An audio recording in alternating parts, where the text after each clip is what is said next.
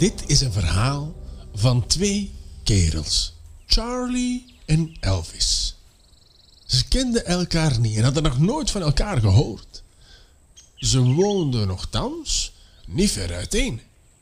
Hun dorpen lagen naast elkaar, maar meer ook niet. Er was absoluut geen contact tussen hen. Je kon ook niet zeggen dat ze in ruzie lagen. Nee, nee, nee, nee, ze negeerden elkaar gewoon. Ja, en je vraagt je dan waarschijnlijk af, maar alleen, dat meen je toch niet? Ze negeerden elkaar gewoon? Ja, ja, ja, ja, ze negeerden elkaar. Je bedoelt negeren van ik zeg niks wanneer zij mij passeren? Ja, exact, dat, dat, dat negeren bedoel ik. Maar waarom zouden ze elkaar dan negeren? Ja, ze deden dat negeren ook niet zomaar. Ja, maar wat mag de reden van het negeren dan in hemelsnaam zijn? Wel, als je stopt met die onnozele vragen te stellen, dan zal ik de reden van het negeren expliceren. De twee dorpen verschilden gewoon te veel van elkaar. Ze waren zwart en wit, kat en hond, licht en donker, warm, koud, links, rechts. Het dorp van Charlie hield van eenvoud, van soberheid, van gematigdheid. De stilte was de baas. Pas op, begrijp me niet verkeerd. Er, er mocht of, of er moest zelfs gepraat worden.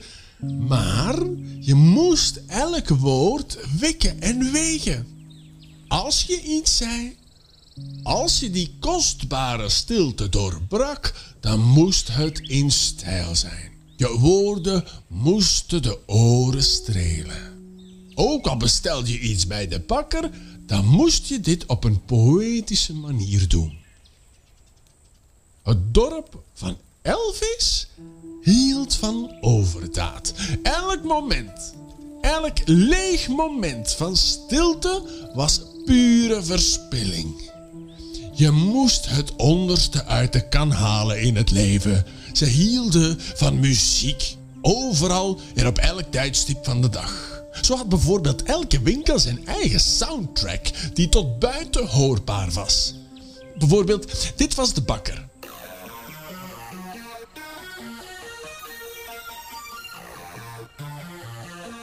Dit was de beenhouwer.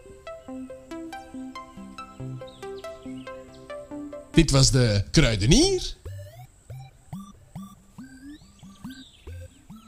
Dit was de schoenmaker.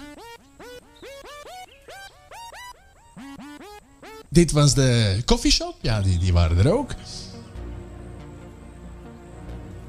En dit was de smid. Zo. Elke winkel zijn eigen soundtrack. Maar als je door de winkelstraat flaneerde, ja, dan hoorde je dit.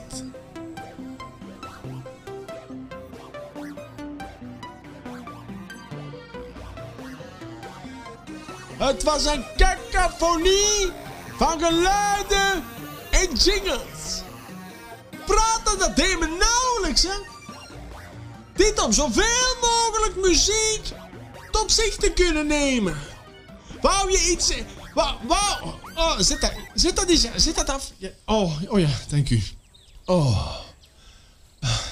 Wou je iets zeggen, dan moest je er maar gewoon overheen brullen over die muziek. Dus ja, je begrijpt dat die beide dorpen, hoewel ze buren waren, toch mijlen ver uiteen lagen. Er was één gemeenschappelijk punt. Eén gemeenschappelijk punt. En dat was de vergeetput. Die pal op de grens lag. Wanneer je iets misdeed, dan kon je tijdelijk of voor altijd in de vergeetput geworpen worden. Het was een oude waterput die al eeuwen droog stond. En de geruchten deden zich de ronde dat zelfs de duivel er zich in zou verschuilen. Met andere woorden, daar wil je niet in terechtkomen. Dit is een verhaal van twee kerels, Charlie en Elvis. Ze kenden elkaar niet, hadden nog nooit van elkaar gehoord. Maar hun ontmoeting zou de toekomst van beide dorpen definitief veranderen.